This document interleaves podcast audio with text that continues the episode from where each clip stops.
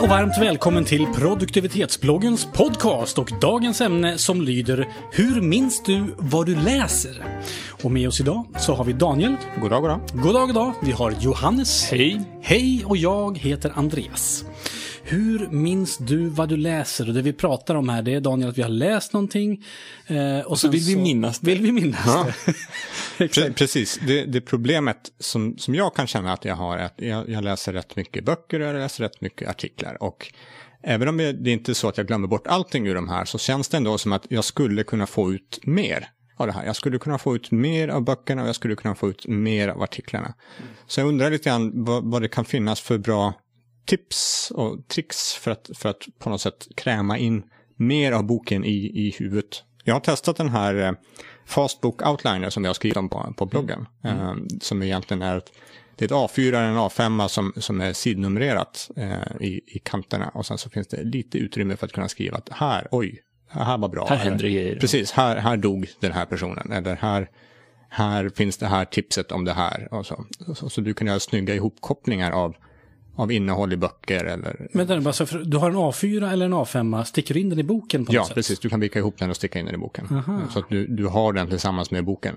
Och det funkar ju jättebra om du läser analogt. Pappersform. Och då skriver man sidnummer och så skriver man en kommentar. Sidnumren Sidnumren står. ja. De står Ja, redan på. Så det är en mall man skriver ut. Vi länkar till det i, podcastavsnittet här. Eh, Så där finns det olika mallar beroende på hur lång boken är. Om det är en Totte badar så finns det en, en tio sidors eh, mall. Om det är någon eh, Stephen King så finns det en, en, en lite längre sån här som har fler nummer på sig. Men, men, Man då, kan ju lyxa till det med att ha flera sidor också om man skulle Absolut. vilja. men då kommer jag rakt in på det här. Då sitter man ju med en himla massa A5-sidor eller A4-sidor. Ja. Som man då på något vis ska försöka ta hand om eller Precis. Men där- återkoppla till. Ja, eller- för där, där har jag, jag jobbar också med, med, med FBO, Fastbook Outliner, eh, och skriver när jag läser faktaböcker.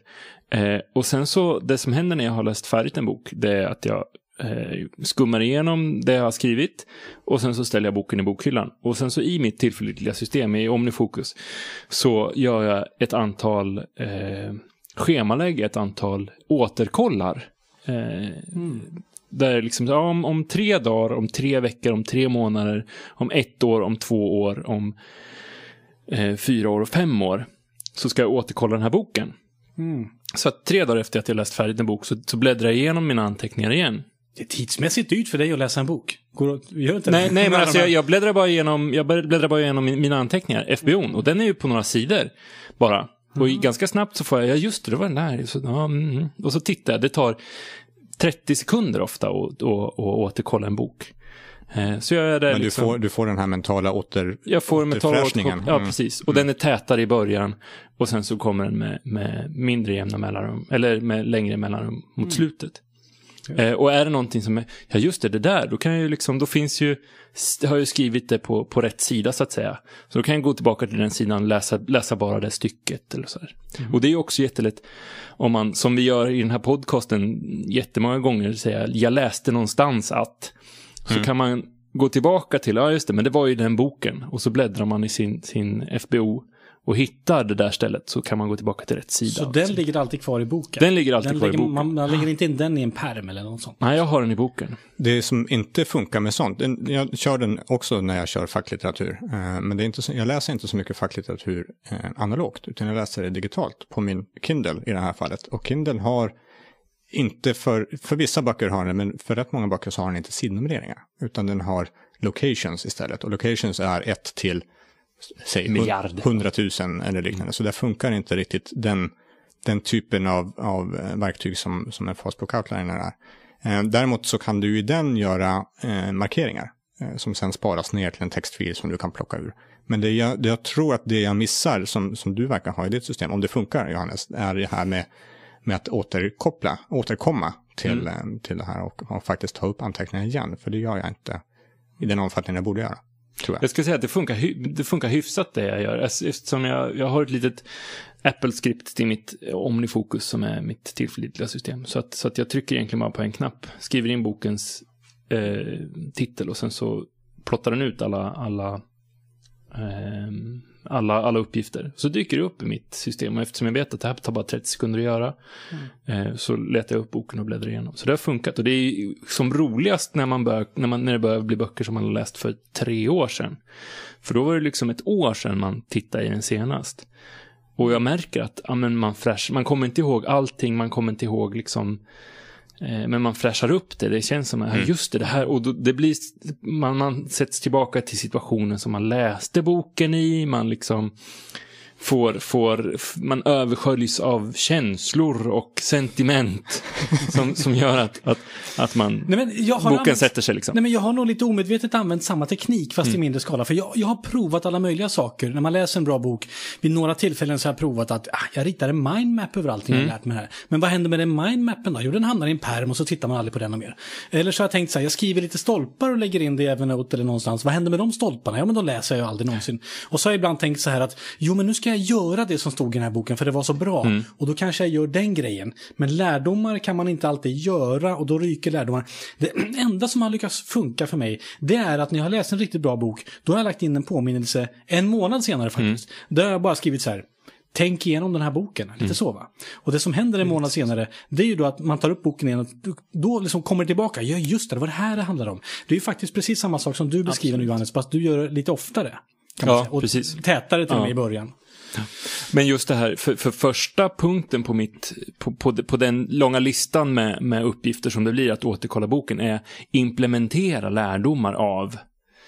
Så det, det första... Vilket, vilket i sin tur kan bli andra punkter. Ja, alltså, ja, absolut, Mm. absolut. Okej, men är det någonting som jag, som jag behöver förändra? Är det några vanor som jag behöver förändra? Någonting, någonting som jag ska implementera av det jag har lärt mig när jag läst den här boken?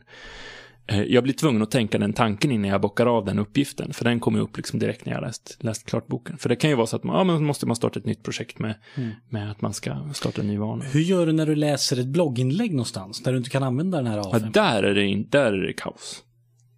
Men du borde väl kunna göra samma sak där. Du borde ju kunna klippa ner blogginlägget till Evernote till exempel. Och sen så borde du kunna ha länken, eller Evernote, Evernote-länken borde du kunna ha som en, som en boktitel här.